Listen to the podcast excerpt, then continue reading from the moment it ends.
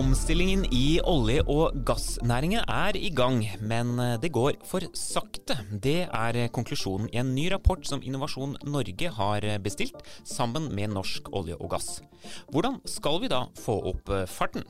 Anniken Hauglie er direktør i Norsk olje og gass, og hun er gjest i Innopoden i dag. Velkommen til oss, Anniken. Hyggelig å ha deg her. Tusen takk for det. Hyggelig å være her. Velkommen til deg også, Håkon. Takk. Det, det blir litt sånn Hauglie og Hauglie, dette her. Men sånn for ordens skyld så er ikke dere i slekt. Nei, men eh, vi, vi har mye til felles, våre to organisasjoner Vi har, likevel. Da. vi har faktisk tøyset litt med dette før, og at vi Ja. ikke er i slekt.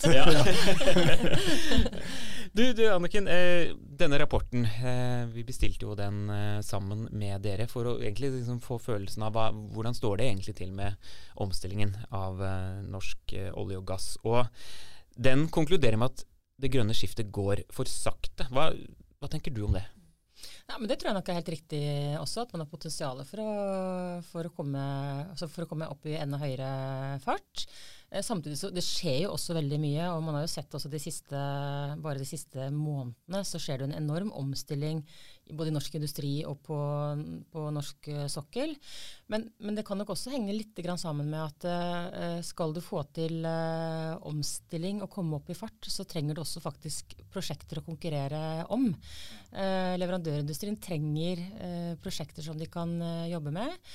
Men jeg tror jo at vi kommer til å se enda mer av det framover nå. Både som, nå som selskap etter selskap bl.a. går ut og sier at de skal har ambisjon om å bli klimanøytrale. Equinor gikk ut uh, for, forrige uke hvor, hvor de sa at de skal være klimanøytrale. Det vil, jo bety, kan, det vil jo bety helt nye typer prosjekter som man skal jobbe med. Det handler om elektrifisering, det handler om hydrogen, uh, det handler om uh, CCS. Så det vil skje mye nå som vil gjøre at eh, dette kommer til å skyte fart uh, framover. Heldigvis. Men ble du litt overrasket eh, over at eh, konklusjonen var såpass tydelig, da? Altså, egentlig ikke, kanskje. Eh, eh, selv, om, selv om det skjer veldig mye i norsk næringsliv på, på omstilling og teknologiutvikling, så, så vet vi likevel at det, det er kanskje først de siste par årene hvor, det, hvor, det liksom, hvor man kanskje virkelig har gått inn, tatt inn over oss hva det vil si om vi skal f.eks.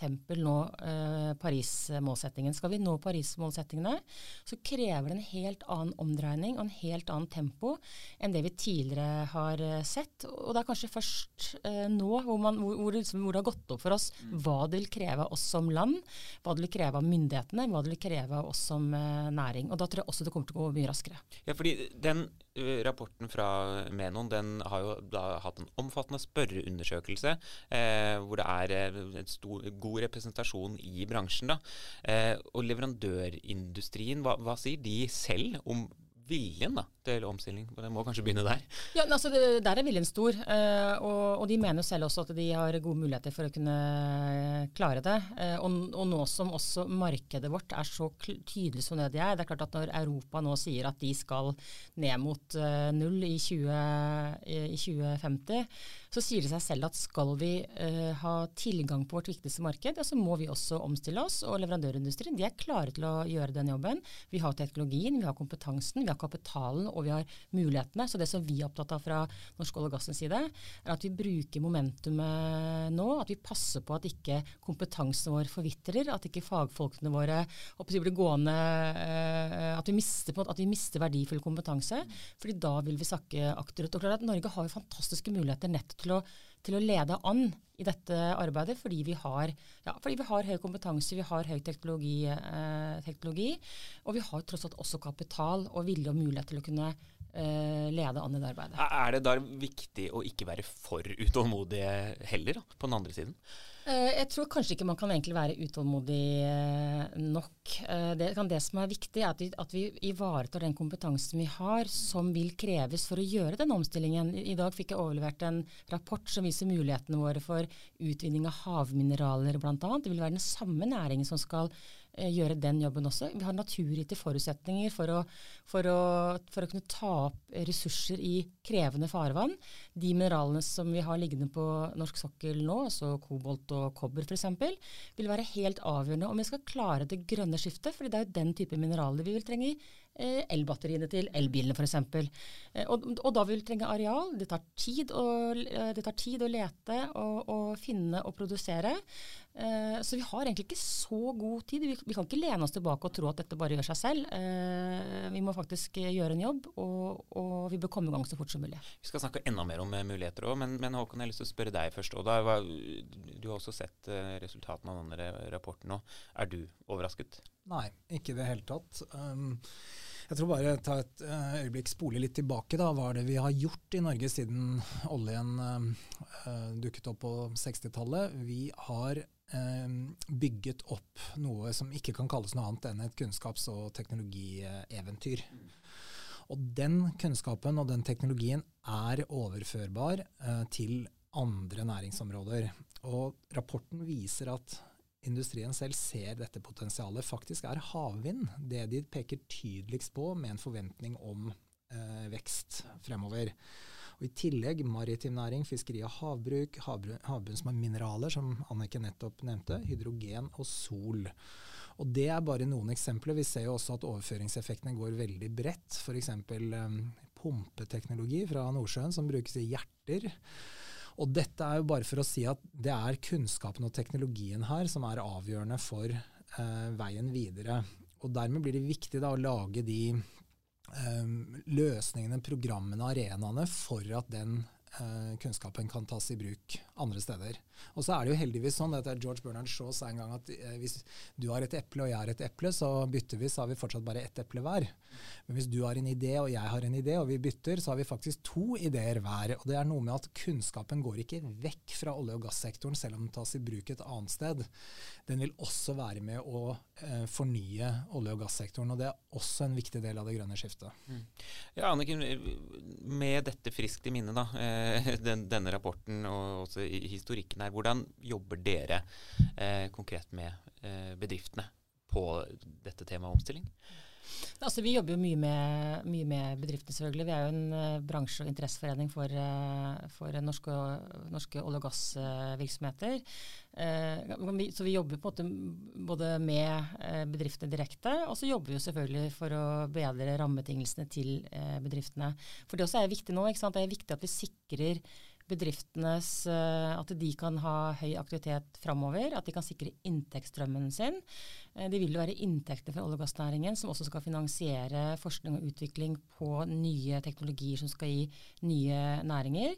Men det er også viktig å si at eh, selv om vi nå står i et grønt skifte og vi skal komme opp i fart uh, innenfor det området, så skal Norge produsere olje og gass i mange tiår framover. Rett og slett fordi at verden trenger uh, olje og gass. Norsk gassutvinning olje- og gassutvinning er jo også renere enn mange andre land. Og nå som vi også har muligheten til eh, karbonfangst og -lagring, så vil jo også eh, den bli enda eh, renere. Og det også vil jo i seg selv gi en god markedsmulighet for, for norske, norske, næringsliv. Så, så, så, så, vi skal liksom fortsatt drive med olje og gass, men samtidig så skal vi drive med eh, utvikle nye næringer. Havvind, hydrogen, CCS osv. Som, som er kjempepotensialet for norske bedrifter i et internasjonalt marked. Og Der kan jo vi også komme inn i bildet. Håkon. Altså, vi, vi, har jo ikke noen tjenester som er liksom direkte olje- og gassrettet, men vi har jo et tjenestetilbud som, eh, som skal nettopp bidra til denne omstillingen. Kan du si litt om det? Absolutt. og De treffer veldig bredt våre tjenester, eh, olje- og gassnæringen, og ikke minst på de områdene hvor det utvikler seg inn i nye næringer. Og det er jo alt fra lån og tilskudd, eller risikoavlastning for enkeltprosjekter, til klyngeprogrammet, som jo er hvor bedriftene utveksle kompetanse, teknologi, og, og, og vi, hvor vi ser veldig tydelig verdien av deling. Uh, I tillegg så jobber vi jo med eksport og internasjonalisering og fremme disse løsningene. EU har jo betydelig etterspørsel etter alternativ, eller det vi kaller fornybare energiløsninger, og det er en viktig del av det vi også gjør, hvor denne næringen er viktig. Og vi ser jo veldig stor interesse ute for det Norge som energi- og teknologinasjon har å eh, tilby. Uh, hele Asia er eksempelvis nå i en det vi kan kalle transformasjon, da, hvor de ser på hvordan kan de erstatte uh, fossilt brensel med andre energiformer. Det gir store muligheter for den leverandørindustrien vi har innenfor olje og gass, uh, til å ta de posisjonene. Og Der er det viktig at vi er godt samordnet fra norsk side, og at vi eh, vi er i posisjon, fordi vi er ikke alene i verden om å kunne noe om dette. Vi konkurrerer eh, internasjonalt, og så har vi noen fortrinn i Norge, men vi har også eh, en avstand da, f.eks. til dette markedet. Så det at dette henger sammen, da, det vi gjør for bedriftene på låne- og tilskuddssiden gjennom samarbeids- eller nettverk, kompetansetjenester og eksport, er viktig.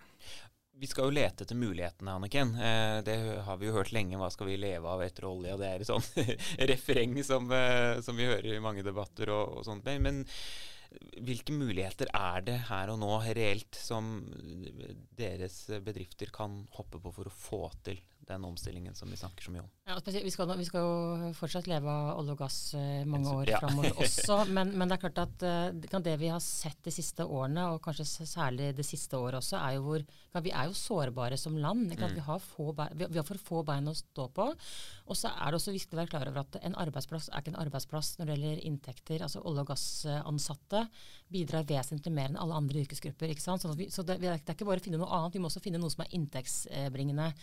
Um, uh, og, og, klart Nå står vi i startgropa for en del nye næringer som kan bli kommersielt lønnsomme, men som ikke er det riktige ennå. ikke sant? Uh, jeg var innom dette med uh, havbunnsmineraler, som kan, en, som kan, bli en veldig lønnsom næring for Norge. Ryste Energy anslår jo i det optimistiske scenarioet 20 milliarder dollar per år i inntekter. Men det krever at vi kommer i gang, at vi får utlyst areal, så selskapene kan begynne å lete og undersøke og se hva er det som faktisk er er det, altså, hva er det som ligger der som er uh, kommersielt interessant. For her har vi god kunnskap eh, fra før? Ja, altså, ja altså, vi har gjort, det, er, uh, det, har vært gjort noen foreløpige undersøkelser som viser at vi har veldig gode forekomster. Ja. men så skal det nå undersøkes om det faktisk er mulig å få det opp, og, mm. og, og, og, liksom, i hvilket omfang. ikke sant? Og Da må vi komme i gang. Så havbunnmineraler er jo åpenbart en, en, næring som kan være viktig for oss. Karbonfangst og -lagring vil kunne bli en viktig næring for oss, nå som vi ser eh, altså andre selskaper og land også, de også trenger jo å lagre karbonen sin et sted. Vi har muligheten til å kunne lagre det, både transportere og lagre det for dem. Eh, hydrogensatsing vil være viktig, vind vil være viktig. For det er klart at Europa med sine miljøambisjoner nå vil ikke klare å dekke sitt behov med vindmøller på eget kontinent alene. Man vil, man vil, trenge noe mer hvis man skal nå de ambisjonene. Så vi har gode muligheter der. La meg bare si litt det med deling av delingskultur, fordi den mener jeg er ganske essensiell, faktisk. Eh, oljebransjen eh, har jo veldig lang tradisjon for å dele f.eks. erfaringer på HMS-området. Eh, for, som I et læringsperspektiv eh, så man veld, har man en veldig godt utviklet delingskultur på det. For, for, å, nettopp for, at, alle, for at, man skal kunne drive, at man skal lære av hverandres si, feil og annet. Eh, nå begynner vi også å samarbeide mye mer på andre forhold på sokkelen også. Vi, snakker, vi diskuterer mye mer hva er det vi konkurrerer om, og hva er det vi ikke konkurrerer om. Eh, et av, de, et av de initiativene vi nå har tatt, eksempel, er at vi har etablert et digitalt lager. Eh, det betyr jo at eh, alle selskapene kan nå putte inn sine mutter og skruer holdt jeg på å si, digitalt. Som gjør at hvis du da er på en plattform, du trenger en borekrone, så kan du gå inn og se ja, det er et annet selskap som har det liggende på sitt lager. Vi kjøper det derfra. Eh, og det regner vi med at vi vil spare 1 milliard kroner på per år, bare på å dele informasjon om skruer og muttere, for å si det sånn. Og det er klart at 1 milliard kostnadskutt på sokkelen bidrar jo til å styrke konkurransekraften for norske bedrifter, som også er viktig. Vi konkurrerer jo veldig ofte kan, det, Norge er et dyrt land, så vi må jo også få ned kostnadene skal vi klare å konkurrere i et internasjonalt marked. Så Vi jobber nå mye mer systematisk med å dele for å lære, for å forbedre oss, og for å styrke konkurransekraften som, for, for næringen som som helhet. Og for Norge i et internasjonalt marked. I, i den uh, undersøkelsen som vi nå har gjort, så har man jo vært tett på bedriftene og, og spurt dem eh, om, om, dette med omstilling, eh, hvordan det ligger an. Håkon, vi er jo også tett på bedriftene. Altså, hva er din vurdering av, av, det de forteller om hva slags hindre det er for omstillinger akkurat nå? for det er jo En ting er jo mulighetene. Hva, hva sier de om det? Altså For den enkelte bedrift uh, er det jo uh, på en måte ett sett med hindre. Jeg tror vi kan oppsummere det litt sånn med kompetanse, kapital og uh, kunder. Det er, og dette er jo helt parallelt med andre selskaper som skal vokse. At uten kunder og uten tilgang på relevant kompetanse eller, eller kapital da, som er villig til å ta risiko, så vokser ikke bedriftene. Så det er på bedriftsnivå. Men i tillegg, og dette er et poeng Anniken allerede har vært innom, så er det noen av disse nye industrieventyrene våre. Da, de også, skal også gjennom en lang utviklingsfase før de er kommersielt uh, flyr. da. Og det krever et samspill. og det Her må vi bruke dette ordet som er litt utilgjengelig, men økosystem. Det, om, det kan handle om regulering. Det kan handle om eh, eller altså tillatelser, hvor mineraler er et godt eksempel. Eller areal. Det vil handle om kunnskap, forskning, og at forskningen tas i bruk. Og det vil handle om risikovillige entreprenører eller større selskaper som er villige til å gå inn i dette og i en periode leve med at utviklingsløpet er langt. Og Her ligger det en stor usikkerhet for oss som Norge, fordi vi har denne veldig sterke olje- og gassnæringen, som har vært en motor for næringsutvikling i Norge i mange mange år, og hvor den avhengigheten slår ut på mange områder. Eksportstatistikk er ett eksempel. Når oljeprisen går ned, så synker Norges eksportandeler, eh, f.eks. Men den betyr også at vi må vi har en, en, en, rekke andre bedrifter som er avhengig av olje- og gassnæringen. og den, Det er ikke bare de direkte leverandørbedriftene, men type servicebedrifter i de områdene hvor de bedriftene er osv. Så, videre. så oljeavhengigheten den slår inn på mange områder. Så det er ikke bare sånn, Vi kan ikke bare bestemme oss, og den, den debatten om hva den neste oljen er, den jo litt, kan jo bli litt meningsløs. Ja. Det fins vel ikke det produkt eller tjeneste som ikke har vært på en sånn liste over neste oljen. Men det som er viktig, er å anerkjenne og skape gode mekanismer for det vi begynte å snakke om, da, for kunnskapsoverføring og teknologioverføring og nyutvikling, sånn at vi kan være i posisjon til å gripe disse mulighetene.